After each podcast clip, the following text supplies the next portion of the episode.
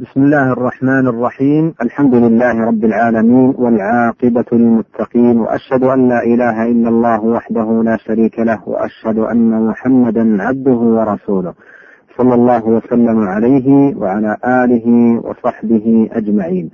وسلام الله عليكم ورحمته وبركاته. وبعد تقدم أيها الإخوة في الحلقة الماضية بيان أن أسماء الله الحسنى غير محصورة في عدد معين وأن قول النبي صلى الله عليه وسلم إن لله تسعة وتسعين اسما مئة إلا واحدة من أحصاها دخل الجنة لا يفيد حصرها بهذا العدد وإنما يدل على عظم شأن وكبر ثواب من أحصى هذا العدد من أسماء الله عز وجل. والكلام هنا سيكون في مسألتين. الأولى بيان أنه لم يثبت عن النبي صلى الله عليه وسلم في سرد الأسماء الحسنى. حديث.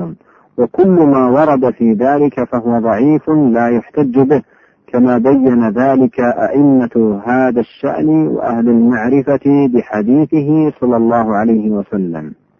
وقد روي هذا الحديث بسرد الأسماء من ثلاثة طرق وجميعها لا تثبت. الطريق الأولى عن عبد العزيز بن الحسين عن أيوب عن محمد بن سيرين عن أبي هريرة وذكر الحديث بسرد الأسماء. وعبد العزيز هذا ضعيف لا يحتج به. قال البخاري عنه ليس بالقوي عندهم. وقال مسلم ذاهب الحديث. وقال ابن معين ضعيف. وقال ابن حجر متفق على ضعفه. الطريق الثانية عن عبد الملك بن محمد الصنعاني قال حدثنا أبو المنذر زهير بن محمد التميمي قال حدثنا موسى بن عقبة قال حدثني عبد الرحمن الأعرج عن أبي هريرة وذكر الحديث بسرد الأسماء وعبد الملك ضعيف لا يحتج بحديثه قال ابن حبان عنه كان يجيب فيما يسأل عنه وينفرد بالموضوعات ولا يجوز الاحتجاج بروايته وهو لين الحديث. وقال الذهبي ليس بحجة. الطريق الثالثة عن الوليد بن مسلم قال أخبرنا شعيب ابن أبي حمزة عن أبي الزناد عن الأعرج عن أبي هريرة وذكر الحديث بسرد الأسماء لكنه ضعيف لا يصلح أن يحتج به. لعلل عديدة تقدح في صحته بينها الحافظ ابن حجر رحمه الله بقوله وليست العلة عند الشيخين أي البخاري ومسلم تفرد الوليد فقط بل الاختلاف فيه والاضطراب وتدليسه واحتمال الإدراج. انتهى كلامه رحمه الله. ولذا قرر أئمة هذا الشأن ضعف الحديث وعدم صلاحيته للاحتجاج وأن هذا السرد للأسماء ليس من كلام النبي صلى الله عليه وسلم وإنما هو من كلام بعض السلف جمعه تسهيلا للناس فأدرجه بعضهم في الحديث حتى ظن أنه منه. قال شيخ الإسلام ابن تيمية رحمه الله وقد اتفق أهل المعرفة بالحديث على أن هاتين الروايتين أي رواية الترمذي من طريق الوليد ورواية ابن ماجه من طريق عبد الملك ليستا من كلام النبي صلى الله عليه وسلم وإنما كل منهما من كلام بعض السلف. فالوليد ذكرها عن بعض شيوخه الشاميين كما جاء مفسرا في بعض طرق الحديث ولهذا اختلفت أعيانهما عنه فروي عنه في إحدى الروايتين من الأسماء بدل ما يذكر في الرواية الأخرى. وهذا مما يبين لك أنها من الموصول المدرج في الحديث عن النبي صلى الله عليه وسلم في بعض الطرق وليست من كلامه صلى الله عليه وسلم. ولهذا جمعها قوم آخرون على غير هذا الجمع واستخرجوها من القرآن منهم سفيان بن عيينة والإمام أحمد بن حنبل وغيرهم. وقال أيضا إن التسعة والتسعين اسما لم يرد في تعيينها حديث صحيح عن النبي صلى الله عليه وسلم وأشهر ما عند الناس فيها حديث الترمذي الذي رواه الوليد بن مسلم عن شعيب بن أبي حمزة وحفاظ أهل الحديث يقولون هذه الزيادة مما جمعه الوليد بن مسلم عن شيوخه من أهل الحديث. وفيها حديث ثان أضعف من هذا رواه ابن ماجة وقد روي في عددها غير هذين النوعين من جمع بعض السلف. انتهى كلام شيخ الإسلام رحمه الله. المسألة الثانية بيان معنى الإحصاء الوارد في الحديث المرتب على تحقيقه دخول الجنة. ولا ريب أن هذا فضل عظيم يحرك في النفس الجد في نيل هذا المطلب العظيم.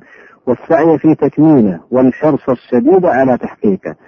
ولقد ظن بعض الناس خطأ أن المراد بإحصاء أسماء الله المرغب فيه في هذا الحديث هو عد ألفاظ تسعة وتسعين اسما من أسماء الله واستظهارها في القلب والتلفظ بها في أوقات معينة مخصوصة وربما جعلها بعضهم في جملة ذكره لله في صباحه ومسائه.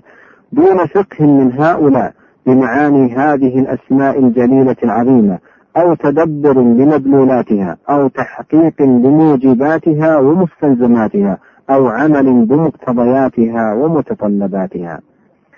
ولقد نبه العلماء رحمهم الله أنه ليس المراد بإحصاء أسماء الله عد حروفها فقط بلا فقه لها أو عمل بما تقتضيه بل لا بد في ذلك من فهم معناها والمراد بها فهما صحيحا سليما. ثم العمل بما تقتضيه. قال أبو عمر الطلمنكي رحمه الله من تمام المعرفة بأسماء الله تعالى وصفاته التي يستحق بها الداعي والحافظ ما قال رسول الله صلى الله عليه وسلم المعرفة بالأسماء والصفات وما تتضمن من الفوائد وتدل عليه من الحقائق. ومن لم يعلم ذلك لم يكن عالما لمعاني الأسماء ولا مستفيدا بذكرها ما تدل عليه من المعاني. فنبه رحمه الله إلى أن تمام المعرفة بالأسماء الحسنى والتي ينال بها الداعي لله بها هذا الثواب العظيم الوارد في الحديث إنما يكون بالمعرفة بالأسماء والصفات وبما تتضمنه من فوائد وتدل عليه من حقائق. لا عدها فقط دون فهم لها أو علم بما تدل عليه وتقتضيه. وقد ذكر العلامة ابن القيم رحمه الله تعالى في كتابه بدائع الفوائد أن لإحصاء أسماء الله الحسنى ثلاث مراتب بتكميلها وتحقيقها ينال العبد ثواب الله العظيم المذكور في حديث رسول الله صلى الله عليه وسلم المتقدم. المرتبة الأولى إحصاء ألفاظها وعددها. المرتبة الثانية فهم معانيها ومدلولاتها. المرتبة الثالثة دعاء الله بها وهذا شامل لدعاء العبادة ودعاء المسألة. فبتحقيق هذه المراتب الثلاثة العظيمة يتحقق للعبد الإحصاء لهذا القدر من أسماء الله الحسنى. ولهذا الغرض أفرد عدد من أهل العلم مصنفات خاصة في عد تسعة وتسعين اسما من أسماء الله الحسنى مع ذكر دلائلها وبراهينها وتوضيح معانيها ودلالاتها. وتبيين موجباتها ومقتضياتها وإبراز آثارها وثمرات العلم بها ومعرفتها. إلى غير ذلك من الفوائد العظيمة المتعلقة بهذا العلم الشريف الذي هو أجل العلم وأرفعه شأنا.